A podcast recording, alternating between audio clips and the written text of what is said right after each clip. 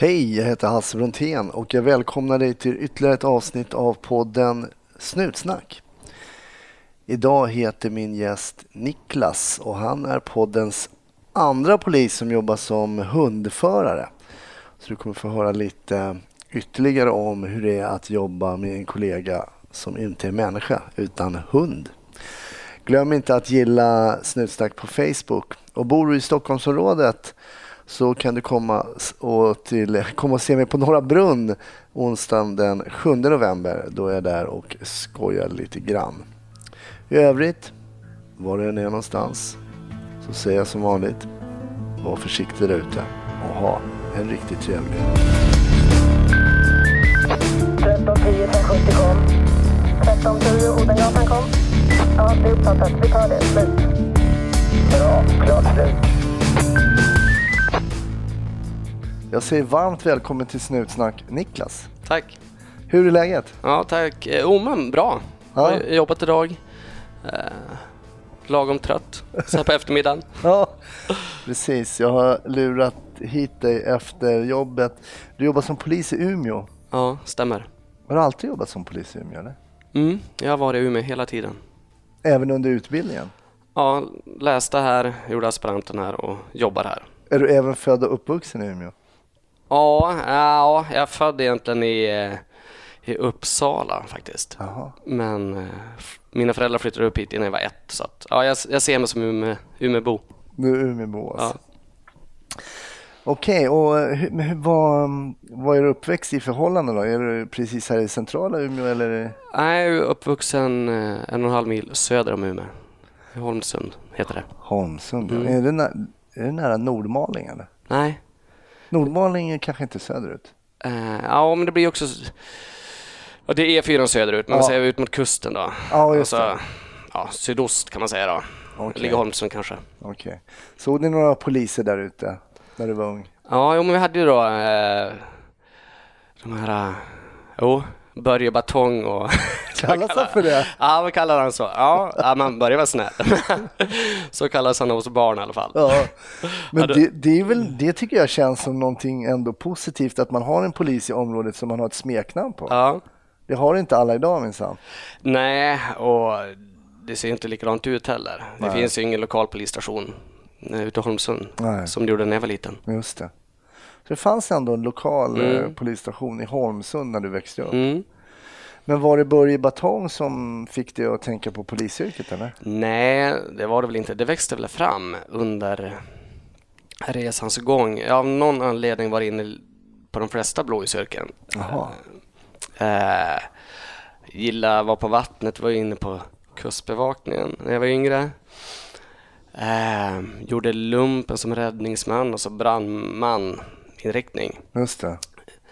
Då började jag ändå fundera lite samtidigt mot polisyrket. Eh, Men ja, det var kul att testa på det där. Insåg att sjukvård var roligare än spruta vatten. Jag funderade fortfarande på polisyrket. eh, Så jag sökte till polis och sjuksyrra samtidigt. Mhm. Kom dock inte in eh, på polisutbildningen på en gång. Så jag hann läsa tre terminer som sjuksyrra. Men kände mer och mer att nej, det polisyrket eh, som känns mer intressant för mig i alla fall. Så jag tog studieuppehåll från eh, studierna och kom slutligen in då på polisutbildningen. Men hur gammal var du då när du kom in på först eh, sjuk, eh, för att bli? Ja, vad var det? Oh, vad ska det vara? 2002, 2003 kanske? Något sånt där. Och då hade du gjort lumpen precis innan eller? Nej, eh, jag hade gjort lumpen men sen har jag sysslat med lite annat som många har gjort. Varit ute i Asien då. Re- rest, ja precis. Och le- levt, eh, levt livet lite också. Ja, okej. Mm. Okej då, så då, men då sökte du alltså polisyrket då, eh, under tiden som du pluggade till sjuksköterska? Ja, precis. Eh, och, ja, jag kom till slutintervjun första gången jag sökte och jag fick feedbacken allt ser bra ut, fortsätt sök, det går säkert bra. Det finns ingen, ingenting att ta på varför du inte kommer in, men jag sökte och sökte, kom inte in och kände att ah, en fjärde termin verkar ju inte hjälpa heller, gissar jag. Så eh, tog studieuppehåll, sökte lite yrken som jag trodde kunde vara meriterande. Mm. Eh, fick sommarjobb på häktet här i Umeå. Så ja, jobbade inom kriminalvården en sommar och fick vidare anställning där. Eh, fick bra vitsord därifrån och så kom jag in. Hur var det då att jobba eh, inom kriminalvården och på häktet? Hur, hur var det? Ja men det var bra tycker jag för min del. Mm. Eh, fick ju ändå liten försmak kanske med, mot vilka människor man kanske kommer träffa i polisyrket också. Just det.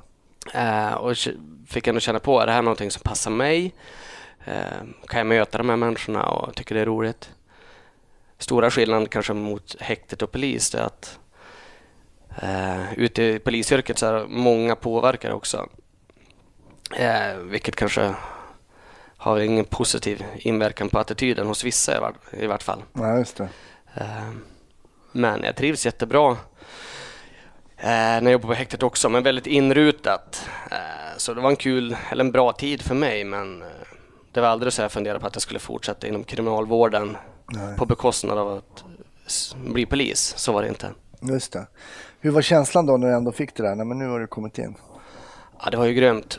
Eh, fick ett samtal från en person som bodde söderut och sa eh, hon berättade att hon hade en, ytterligare en kompis som hade sökt polis och hade fått eh, brevet hem i brevlådan. Eh, så jag rusade hem, jag var hos min flickvän då, eh, rusade hem till min lägenhet och jag tänkte fasen, det är andra gången jag är på slutintervju nu. Eller inte få en tredje chans. det är nu, bära eller brista. Eh, ja, men det var, jag minns det fortfarande. Ja, det var det när du sprättade upp. Ja, eh, och så gick det rykten om så här att ja, det skulle vara så här stora A4-kuvert man var antagen, men det här var ett A5, ett mindre va? Visst, jag visst, vi heter de A5 va? Ja, C5 tror Eh, jag C5 det hette. kanske de just heter. det. Ja, jag tänkte helvete det här. Det båda inte gott. Alltså. Fel storlek på Ja, kuvertet. precis. Men, men det var positiva besked. Ja, vad kul. Ja, men det, alltså en skön känsla där då. då. Ja. Och hur långt var det från att du fick, öppnade det här eh, kuvertet och såg jag antagen till polisskolan till att du skulle börja?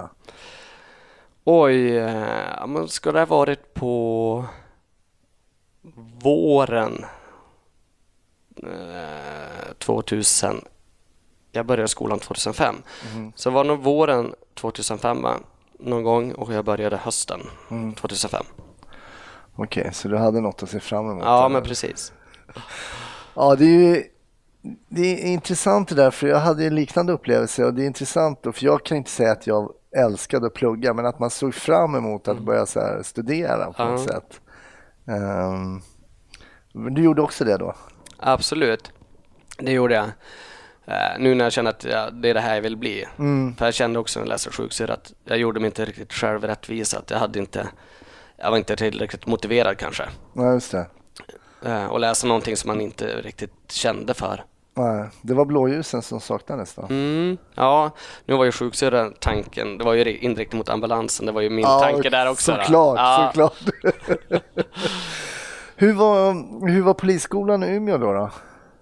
Ja, jag tycker det var jättebra. Det var det? Ja. Eh, fullspäckade dagar hade vi i alla fall då, Ja. Det var studier åtta. Har du haft lätt för dig i skolan? När du har pluggat så tidigare i grundskolan och sådär? Ja, eller? lätt och lätt. Jag har inte haft svårt för mig, men jag har inte stuckit ut heller som att det har varit att det bara runnit på. Det har det inte. Nej, just det. Nej, men jag har inte haft något problem heller. Jag har väl varit en sån här lagom, lagom medelmåtta kan man säga. En lagom medelmåtta. Ja. Det låter svenskt. ja. Men eh, hur, vad var du för student på Polishögskolan då? Ja, men eh, ganska ambitiös Ja, faktiskt. Jag kände att nu jädrar. var det så? Ja, ja eh, jag hittade, umgicks med, ja, vi var väl fyra, fem stycken som höll ihop det rätt mycket och, och pluggade ihop. Mm. Eh, och alla var, ja men vi var ändå ambitiösa tycker jag inför tentorna och sånt. Mm. Hade inga omtentor i alla fall under utbildningen. Nej, Okej, Ja. starkt, starkt. Mm. Som jag som flunkar på första tentan. Ja. Okej, så det flöt på då under skolan. Så hade du någon målbild kring vad du ville göra inom polisen sen? Eller var det bara så här komma ut, få jobba, sätta på sig uniformen? Eller vad, vad, tänkte du? ja men det var, eh, det enda jag visste att jag ville jobba ute. Mm.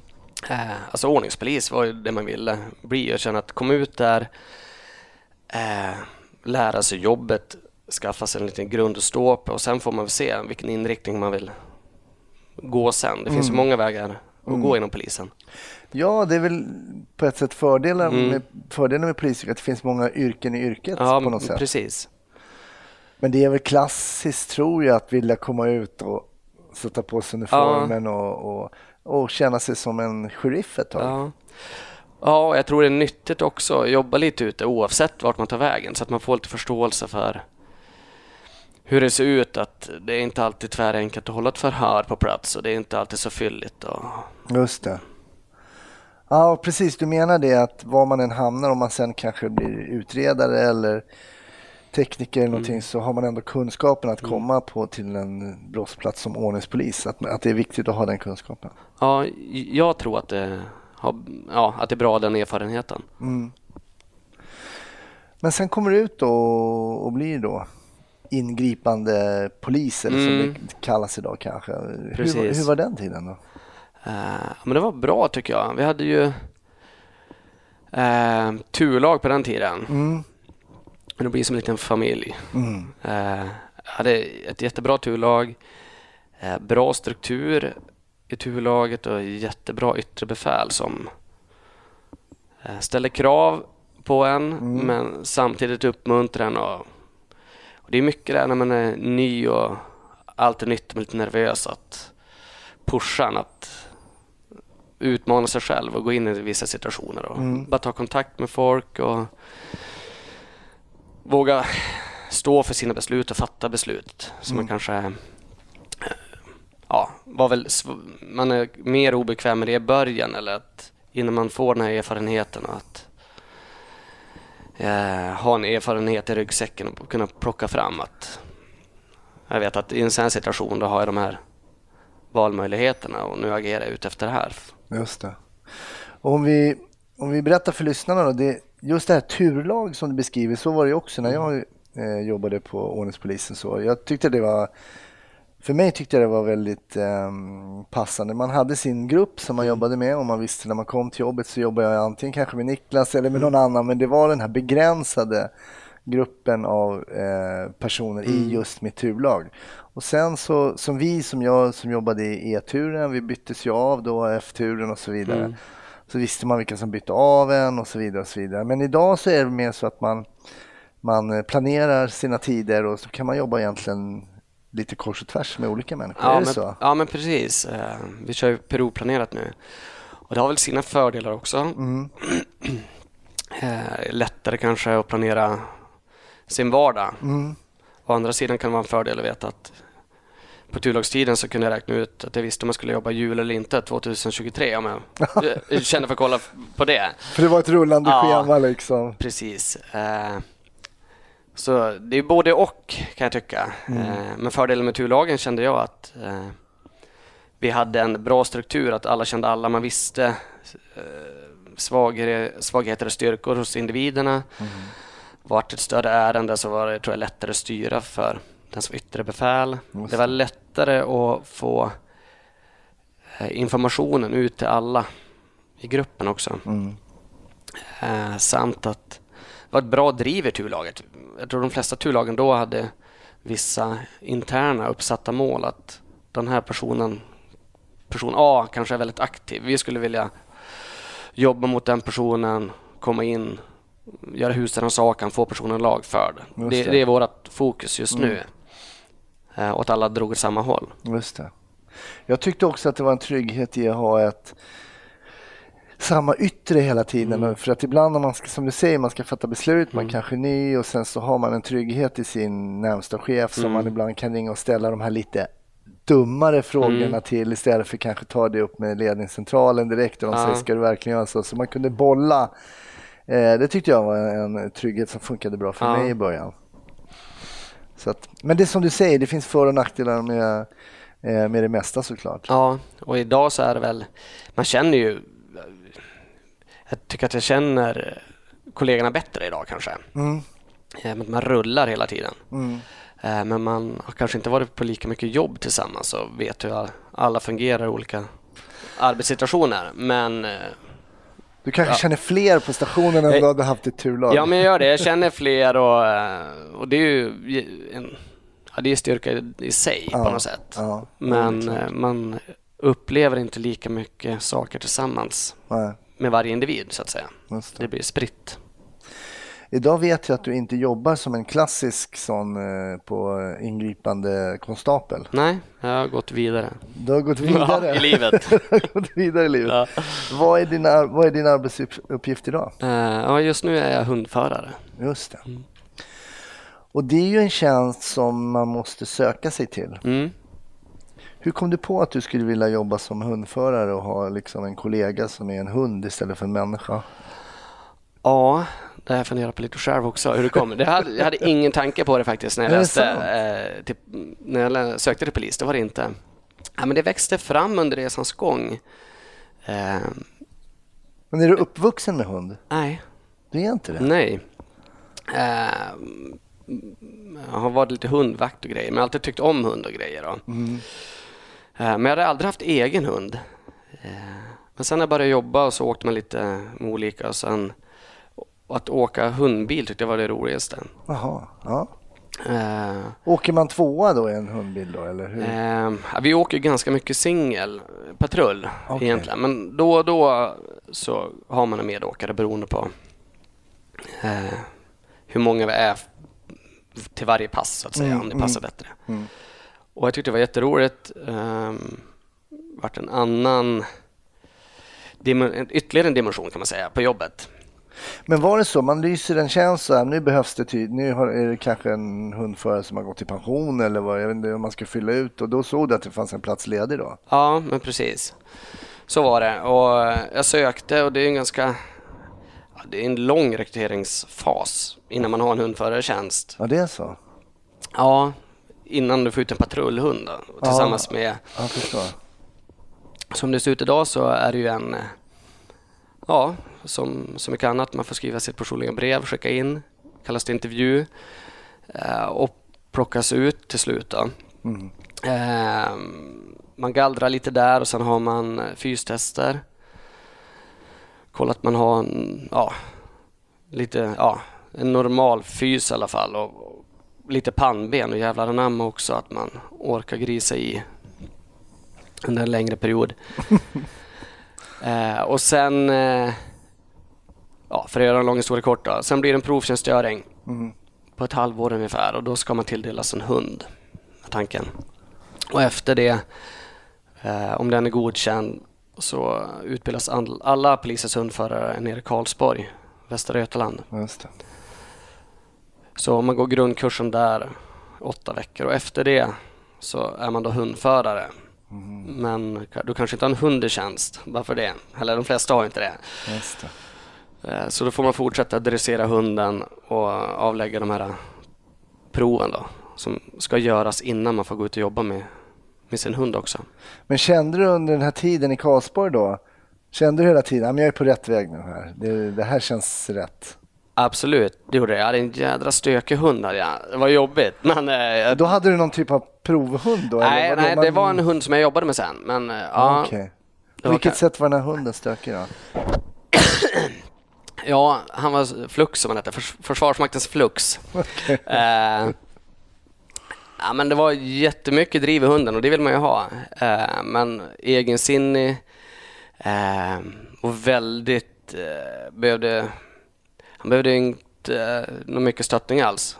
Utan jag var mest i vägen tyckte han. Eh, och det kan ju vara skönt när man är ute och jobbar i tjänsten att man har en hund som kan ta för sig. Men det är ju jobbigt i dressyren och var en tuff första hund tror jag. Framförallt, hade jag fått han idag så hade jag, Just det. tror jag haft lättare att hantera det med den erfarenhet jag har idag än vad jag hade då. Så du menar att det kanske ändå var en, alltså en viss nackdel att inte haft en, en hunderfarenhet innan, eller? Kan det ha varit... Eh, ja men absolut, det är, väl, det är klart det är bra att ha erfarenhet av en hund Mm. innan. Eh, men många hundar som man tar som privatperson kanske inte har riktigt de egenskaperna som vi söker hos en tjänstehund heller. Nej, precis. Så det kan skilja sig lite grann. Men det, det är klart, det är ingen nackdel att ha haft hund innan. Det är Nej, inte. nej. Men vad hände med fluxen då? Eh, jo, men vi kom i tjänst och eh, fick ett par år tillsammans. Ah, Okej, Eh, sen fick han väldiga problem okej. med ryggen så jag var tvungen att ta bort honom för vad är det nu? Kan det vara två år sedan kanske? Där. Men kom ni att komma överens lite bättre än vad ni gjorde nere i Karlsborg? Då, eller? Absolut. Ja, men vi kom överens där också. Han var bara jävla jobbig. Okej, så det kan vara spännande förhållanden här mellan Ja. eh, hundförare och hund alltså? ja. Ja. Okej, så men det var din första hund då? ja. Och eh, den hunden som du jobbar med nu då, är det din, vilken i ordningen då? Eh, det är min eh, fjärde hund, men Fjärde. det är eh, den andra jag har tjänst. Okej. Jag har haft två, tog bort Flux och så har jag haft två hundar däremellan. Eh, En som inte höll måttet. Man gör så här. eh, Man testar hunden om de har de egenskaperna vi söker. Mm. Eh, Och den hade lite för lite av- allt möjligt. Okej. Till Gjorde i- exempel kan du ge något exempel? Ja, men gjorde inget dåligt test men eh, kan säga man testar till exempel söklust på en hund, Mm. hur intensivt den söker, hur eh, engagerad är den att vilja hitta ett föremål till exempel. Och, Mm. och det är egenskaper vi utnyttjar sen skarpt. Att, att hunden tycker det är roligt och lägger ner själ och hjärta att fan, jag ska hitta det här nu. Mm. Än att de söker lite stund och sen kommer till husse och känner att vi gör något annat, det här var inte så, det var inte så roligt. Eh, sen hade jag en annan hund, uh, Försvarsmaktens Laker, jätte, jättetrevlig hund. Eh, men, och han gjorde fina tester, men vart halt. Oj. Och vi kände att vi har inte tid att rehabilitera honom, det var osäker, osäker prognos om det skulle gå till sig eller inte. Mm. Så vi lämnade tillbaka honom. Eh, Men jag vet att han lever idag, som jag förstår, Mm. med de grönklädda Okej. männen ute i skogen och kvinnorna. Det är, mycket som ska ja. Ja. det är mycket som ska funka där. Vi tänker både på mentala biten, man ska vilja söka, man ska vilja vara Mm. med, vilja ha lust och tycka att det är roligt på jobbet som hund. Och man måste också såklart vara fysiskt eh, frisk. Mm, så är det. Eh, Och nu har jag då en hund som heter Rapportsgard. Okej. Och eh, hur länge har ni jobbat ihop då? Ja, vad är det? Han har haft en, det är faktiskt min chef som eh, tog honom som valp Aha. och flyttade upp. Eh, och han fick ha ganska mycket administrativa uppgifter. Eh, så vi började lite, jag var utan hund och vi hade ont om ekipage. Så vi först hade vi lite så delad vårdnad om honom. Jag, jag hämtade honom, jag avla eh, de här testerna med honom, eller proven då för att få ta honom i tjänst. Mm. Eh, Så han bodde hos min chef och sen hämtade honom när jag jobbade. Okej. Och sen växte det fram att jag fick frågan om jag ville ta över hunden. Mm. Eh, Så det gjorde jag. Och- Superhund känner jag. En superhund. ja, men jag gillar han. vi, Ja. vi, vi, funkar. vi funkar bra ihop och det är lite som med människor också. Vissa hundar klickar man ganska snabbt med och vissa känner man kan ibland vara svårt att sätta fingret på känner Just det. ja, men den här, Ja. jag vet inte varför men jag känner inte riktigt på samma Nej. sätt för den här hunden. Vi, vi klickar inte riktigt. Nej, men ni gör det? Ja, jag tycker vi klickar. Vänta, rapportgard? Rapportsgard. Rapportsgard. Ja. Det är långt namn. Har du någon smeknamn på honom? Eller? Ja, Gard. Ra- Rapports är kennelnamnet och, Ja, och, och okej, Ga- så Gard är Gard. namnet. Aha, Ja. Så Gard är namn. Mm. Ja, ursäkta min okunnighet. Ja.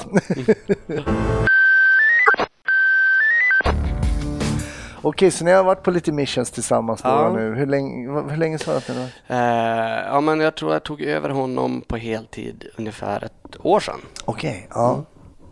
Mm. Så då är det så att då hänger ni med varandra dygnet runt mer eller mindre då? Ja, vi hänger dygnet runt. Ja, Har du familj så också eller så att hunden är Eh, hemma? Och, ja jo, jag är familj. ja. Hur funkar det då? att Ha en tjänstehund hemma och sådär? Det har inte varit problem med någon av de hundar jag har haft. Nej. Det finns individer som där man får lite problem med familjen. Mm. Kan det vara. Eh, men de jag, hundar jag har haft har funkat jättebra. Mm. Eh, de känner jag av, upplever jag. Alltså, de vet ju när de är på jobbet, när de är, Är när de är lediga. Ja. Ja. Ehm, så att aldrig några konstigheter mot barn eller... eh, Ja. Sen får man ju, har jag ändå varit på barnen sen Eh, sen blev hundförare. Även om de var rätt små då att förklara att det är ändå en polishund. De, man, kan, man får tänka sig för ändå. De har egenskaper som kanske inte alla vanliga familjehundar har. Och vi väcker vissa egenskaper hos hundarna också. Mm. Vad är det för ras på Garda? Det är en schäfer. Det är en schäfer. Mm. Det är sådär man visualiserar sig en klassisk eh, polishund. Då ser jag ofta en schäfer Ja. i, i huvudet. Ja men precis. Det är ju den vanligaste. Och sen är ju belgisk vallhund Mm. eh, nummer två då kan man säga.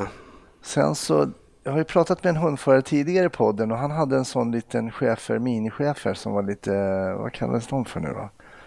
En Malinois.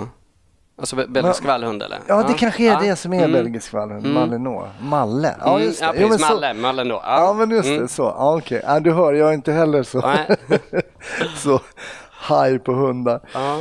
Nej, men så är det. Har du, har du någon story på lager med hund? Det är ju spännande här, särskilt eh, för oss som inte är så kunniga med hundar och som är Även kanske poliser som inte varit hundförare. Man åker ut själv och så får man kanske något case med hunden. Mm, ja precis. Ja, men jag funderar lite på det här. Just det här. Jag hade ett case, eller jag har många case har man haft, men Ja. eh, ett med första hunden, just den här små, hur små marginalerna kan vara mellan att allt ska sluta väl eller att det går åt pipsvängen. Mm. Eh, och vad många tror jag glömmer bort ändå om man tänker på poliser, det är alltid tjuvar och banditer, men mycket av våran verksamhet som hundförare också, det handlar om livräddning med folk som är suicida eller dementa eller av någon annan anledning har gått vilse och vi inte vet vart de är och befinner sig. Där, Där det inte alls är något brott inblandat nej, precis, utan, utan det handlar mer, eller helt om livräddning Just i de det. situationerna. Ja. Försvunna personer. Ja, precis. Eh, Allt från ja, barn, folk som mår dåligt, dementa, olika... Ja, kan ju vara vad som helst. Man kan bli sjuk ute och plockat bär eller... Och vi vet inte vart de är. Då kommer ju alltid hundarna in i bilden. Mm. Eh, men vi hade, jag hade ett ärende för några år sedan då jag, jag var hemma. Och som det händer då, ibland då och då som hundförare, att telefonen ringer. Okej, men är du, har du någon form av jour då? Eller Nej, nej, vi har ingen jour men eh, ja, man, man kan få ett samtal. Hej, har du möjlighet att komma in? Mm. Eh, ha en försvunnen person som avvikit från psykiatrin i ja, uppe i Skellefteå var det här. Det utspelar sig. Och det är ändå en liten bit i Skellefteå. Ja, men det är ju det. Det 12-13 mil ungefär. Mm. Det varit det här som vanligt, det här snabba, vända sig till min dåvarande sambo att hej, är det okej? Kan, jag, kan jag dra nu? Fixar du barnen? Ja, absolut, åk. Men då måste du ta dig till stationen först Ja, då? men precis. Eh, eh, oftast åker jag in på stationen. Är det vissa spårjobb, jag har spårgrejer i min civila bil också så att jag ibland kommer ut civilt också. Mm. Men här kände jag ändå att jag skulle ändå åka upp till Skellefteå. Eh, det är en bit att åka. kan vara bra att ha en polisbil med lite blåljus också om man behöver stå på lite. Mm. Eh, så åkte in på stationen, eh, rustade på som vi kallar det då, på med uniform och resten av utrustningen och började åka mot eh, Skellefteå. Det var sent eh, på kvällen, var ganska mörkt. Eh, och man hinner fundera lite, jag körde ganska fort och det är ju den största risken ändå vi tar ändå som polis, att köra bil och köra fort. Och jag kände att är det här motiverat att jag kör så fort som jag gör just nu? Du tänkte den tanken i Ja, alla men jag, fall? ja liksom- för jag vet att... Eh, ja, det, vet jag att jag tänkte. För, ja. Vad var det för väglag och vad var det för eh, Hur var det då? Det var vårvinter. Det var ju på E4 så det var ju asfalt framme men man vet ju ändå att det är halt och man måste bromsa. Mm. Eh, nu är det viltstängsel men det är ju kanske mest det man är orolig för. Om det skulle komma upp ett djur på vägen. Det var inte mycket trafik, det var det inte ute. Nej. Men det är ju det, om man skulle kana av så eller kom ut en älg så är det ju dåliga odds. Mm. Och du kanske har varit på några trafikolyckor? Och... Ja, jo det blir fula smällar, inga, Mm. inga roliga jobb. Nej. I vart fall, eh, man vet inte så mycket utan den här personen mår dåligt, har avvikit från psykiatrin, man är rädd att den personen ska ta sitt liv. Och man har väldigt lite att gå på. Man vet egentligen bara sjukhuset eller psykiatrin i Skellefteå. Vart är personen? Det har man ingen koll på. Nej. Jag börjar åka och Skellefteåpatrullerna de söker så gott de kan. De stannar till vid något vindskydd, tror att det var, ut med något elspår. Det sitter lite folk och grillar, eller eldar i vart fall.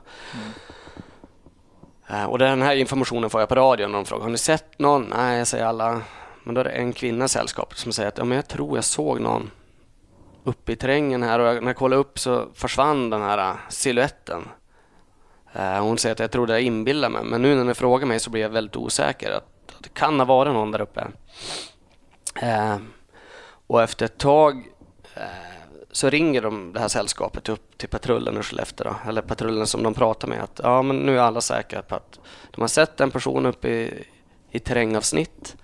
Eh, och när de vände upp mot den här personen så hukar den undan mm -hmm. in i skogen. Eh, och det blir ju jätteintressant eh, för min del. Att det känns som att men det här kan vara hett. Det, det, är nog mycket möjligt att det här är personen vi letar. Mm. Eh, kommer upp och som sagt det är vår, vinter.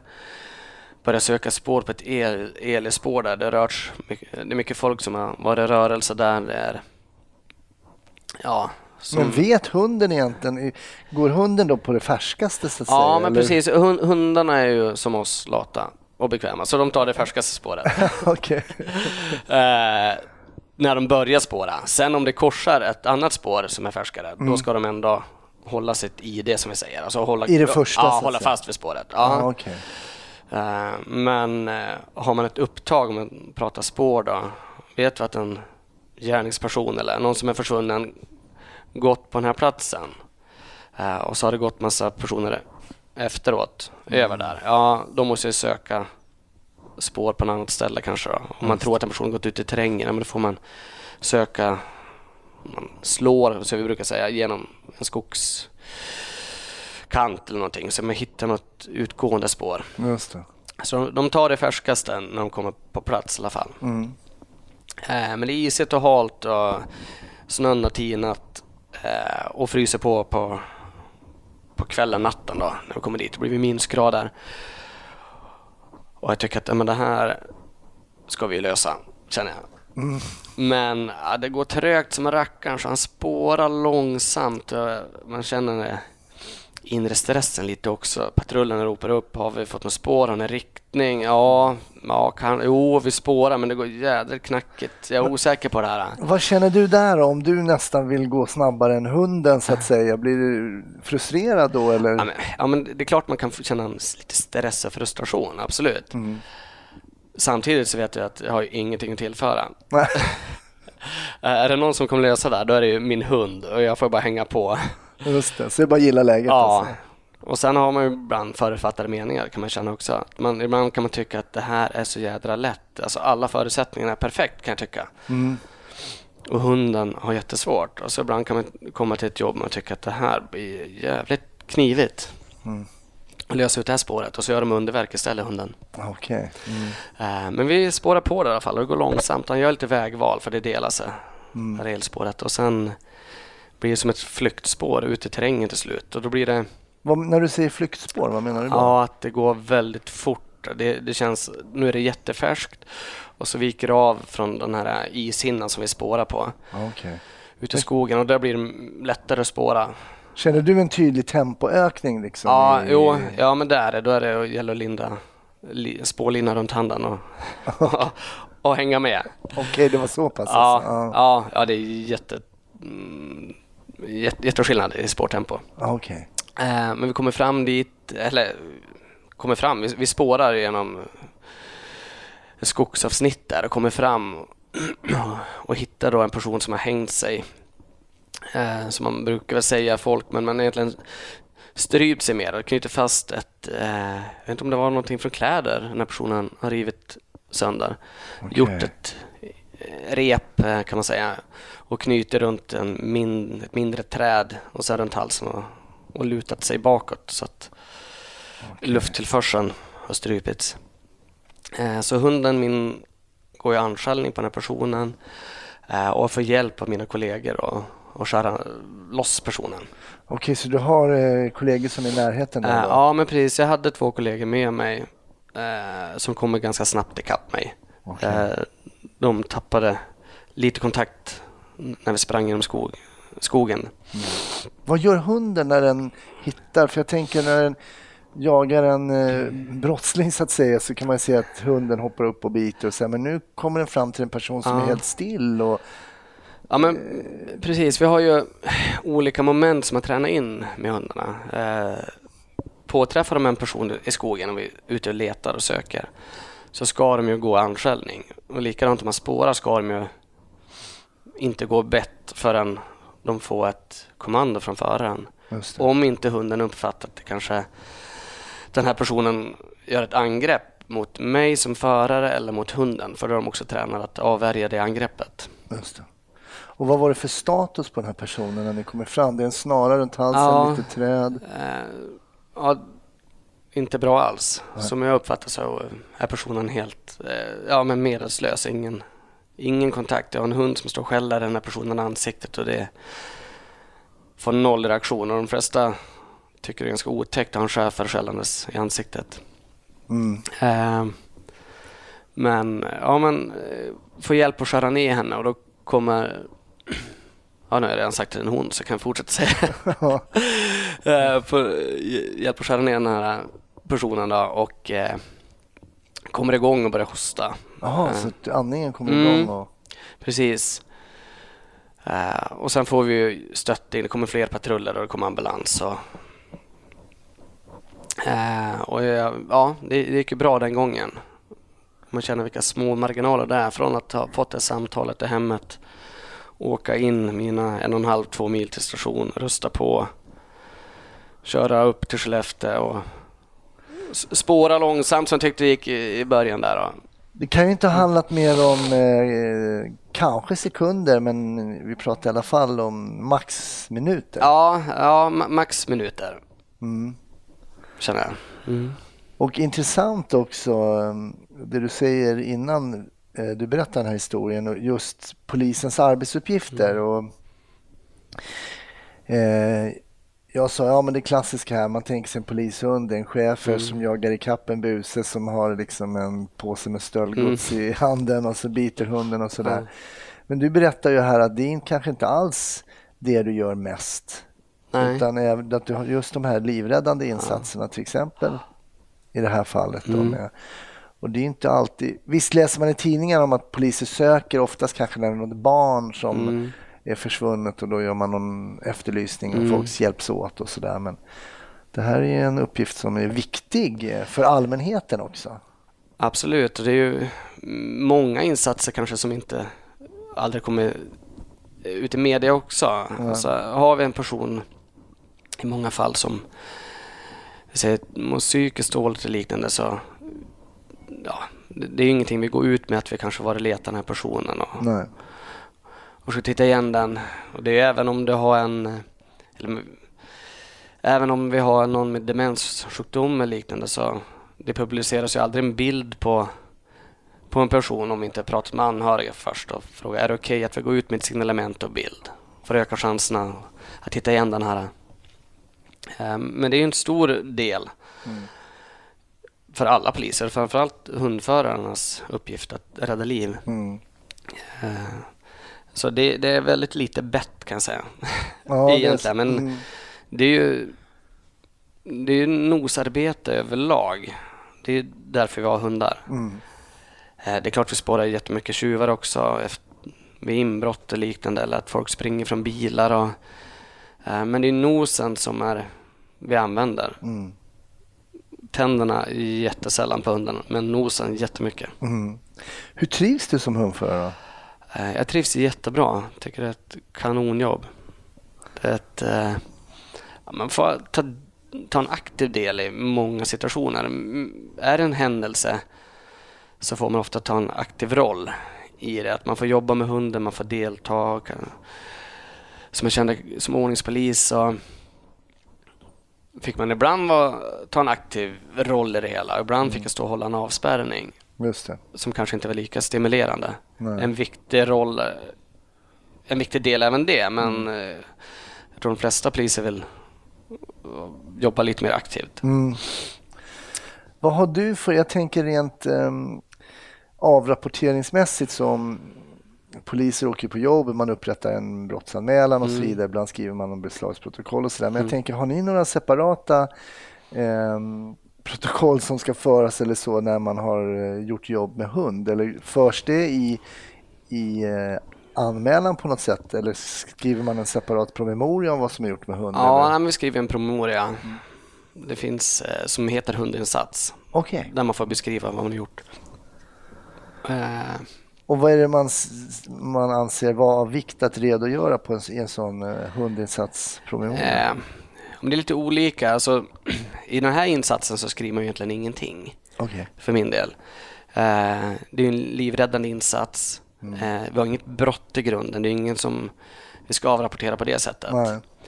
Eh, utan det är mer ehm, dokumentation vid brott så skriver vi hur spåret har gått. Har jag hittat någonting i spåret? Har jag gripit en person i spåret? Har haft, hur har spåret gått? Har jag haft något spårtapp eller liknande? Okej. Eh, har vi en försvunnen person? Ja, men det kan också vara att man dokumenterar, men då är det ju mer att nu har vi sökt av de här områdena, vi har ingen, ja, ingen, ingen träff. Just Så att du kan- kanske ska prioritera ett annat område. Det är mer det, hålla koll på vart är sökt och vart är osökt. det. Just det. Eh, Men hundarna används ju till många olika saker och ibland kan ju ett... Eh, ja, som sagt, vi jobbar mycket, spårar mycket, men ibland kan ju avsaknaden av spår vara lika viktigt som ett spår. Okej, berätta. Men det händer ju ibland att man har varit på en bil som gått av vägen. Eh, det är en person som sitter på passagerarplats, säger att, ja, uppenbart påverkad. Att ja, det är inte jag som har kört. Det är min kompis, kompis, jag vet inte vad han heter och han har sprungit härifrån. Eh, och då kan det vara nog lika viktigt där också att jag kan slå en ring runt bilen och inse att ja, men jag har inga utgående spår.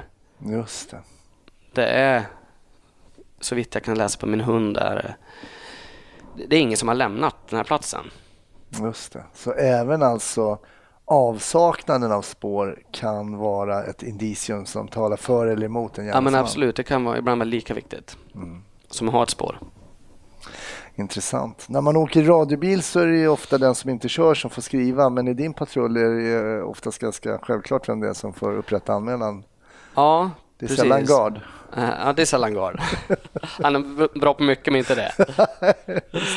uh, ja, men ärlighetens namn, vi skriver absolut anmälningar Mm. ibland. Vi skriver inte alls lika mycket anmälningar som vanliga Nej. ordningspatruller. Utan Nej, vi, vi, vi kommer ofta dit, gör våran del med hunden och stöttar. Mm. Ehm, så ofta så blir det att jag kanske kommer att jobba med hunden medan en annan ordningskollega tar upp anmälan samtidigt som jag kanske jobbar aktivt med hunden. Exakt. Men då gör ni också eh, mycket annat som inte ordningspoliserna gör. Då tänker jag framförallt på de här NOS eh, effektiva åtgärderna som eh, eh, ja, eftersöka den här personen till exempel Mm. som hade eh, avvikit från psykiatrin. Mm. Ja, är det är spännande. Men saknar du inte någon att surra med på nattpassen och sådär? Nej, egentligen inte. Alltså man, man träffar ju kollegorna ändå. Vi utgår från samma ställe och man kan alltid Mm. slå en signal. Ska vi ta en kaffe? Ja, Ja. absolut. Just det. Eh, men annars tycker det funkar bra. Jag, man har en kollega med sig även om man eh, har ett annat utbyte. Vi kanske inte pratar så mycket men, eh, ja, men när det är lugnt så kan man eh, lägga lite spår och träna lite och Ja, grejer. Okej, så det kan ni göra också lite grann på, när, om det är lite lugnare? Ja, men absolut. Hunden måste ju aktiveras och tränas regelbundet. Och man kan inte ha en hund liggandes i bilen ett Nej. helt arbetspass. Hur mycket tid är ungefär eh, träning då? För jag förstår ju att man måste upprätthålla hundens liksom, kapacitet. Hur stor tid skulle du säga är träning och hur mycket jobb? Jättesvårt att säga. Alltså, vi har ju, som hundförare har man en, ett arbetspass i veckan. Hundträning. Okej. Eh, och resten av tiden får man ju lägga Resten av träningen får man lägga på fritiden. Mm. Eh, men ja, alltså man kan ju alltid göra mer känner man. Oavsett hur mycket man gör så kan man alltid det finns alltid saker att träna på, alltid saker att förbättra. ehm, som kan vara en liten stress inombords ibland. N- när livet kommer emellan. Eh, men ja, jag vet inte hur, hur många timmar. Jag försöker hålla igång eh, hela tiden med hundarna. Ja. Och sen får man ju försöka slå två flugor i en smäll. Att om jag är ute och rastar så försöker jag hitta på någonting med hunden till exempel. mm. Då är jag ändå ute Mm.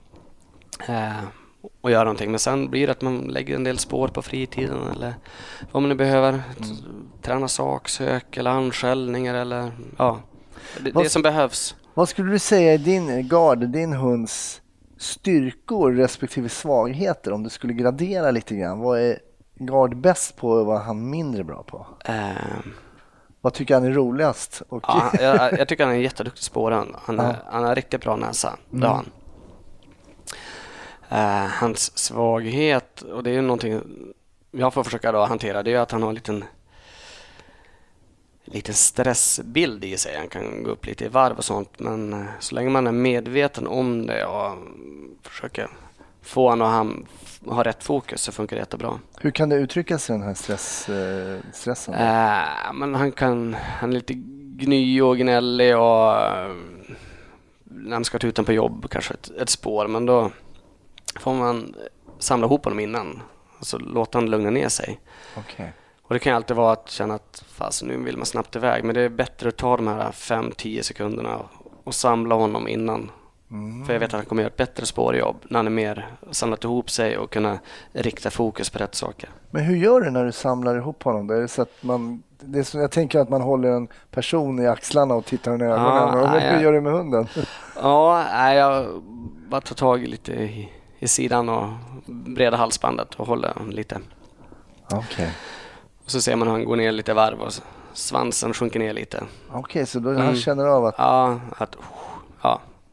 Det är ungefär, tror han satt och tar tre djupa andetag och, och känner att nu fokuserar vi. Tror du att du jobbar som hundförare om fem år? Ja, det tror jag. Du trivs med din tjänst? Ja, ja men jag, jag trivs jättebra och ja, det, är, det är jätteroligt när man får det här samspelet att funka mellan hund och människa och, Mm.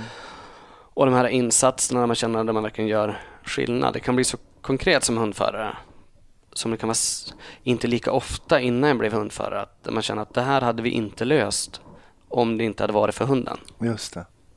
Så det är ett oerhört bra komplement helt enkelt. Ja, det Ja. tycker jag. Ja, men det är häftigt.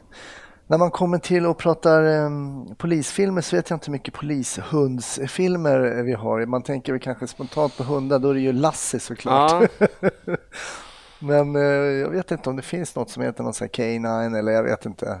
Nej, jag tror inte, jag har nog gått mig förbi i så fall i alla fall. Ja, precis. Och är det någon av er lyssnare som kommer på någon bra eh, polisfilm med hundar inblandad så får ni gärna säga till på Facebook eller Ja. någonting. Men när det kommer till eh, eh, polisfilmer och så, är det någonting du kollar på? Kollar du på? Eh, ja men absolut, då kan jag kolla lite på polisfilmen. Eh, en del. Mm. Det förstördes ju lite av yrket. Ja, men det, är väl det, det är väl det som vi har hört här eh, genomgående att, att man eh, såklart förstår att det här har ju inte med det faktiska yrket att göra Nej. riktigt utan det är till för underhållning.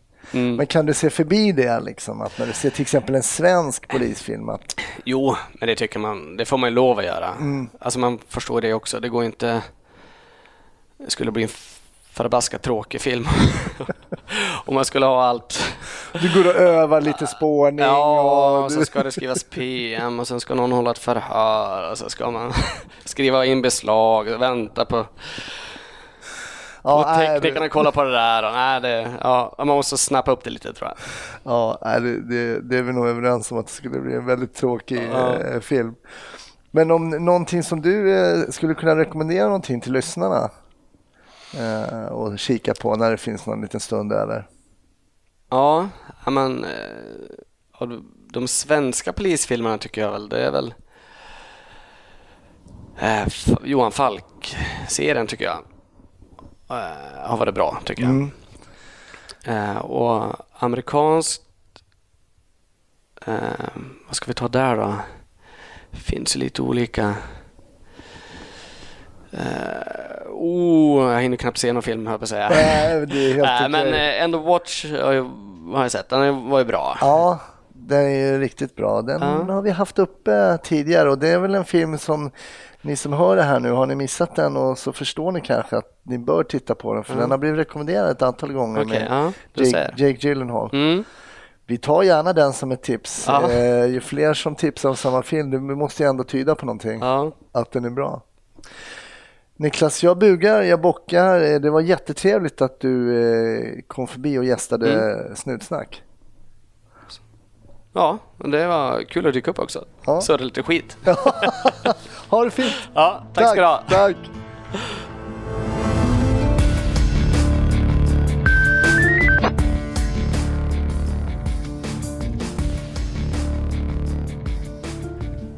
Stort tack för att du har lyssnat på ytterligare ett avsnitt av podden Snutsnack med mig Hasse Brontén. Glöm inte att följa oss på Facebook. Glöm inte att följa mig på sociala medier. Under mitt namn Hasse Brontén. Ha det fint. Hej!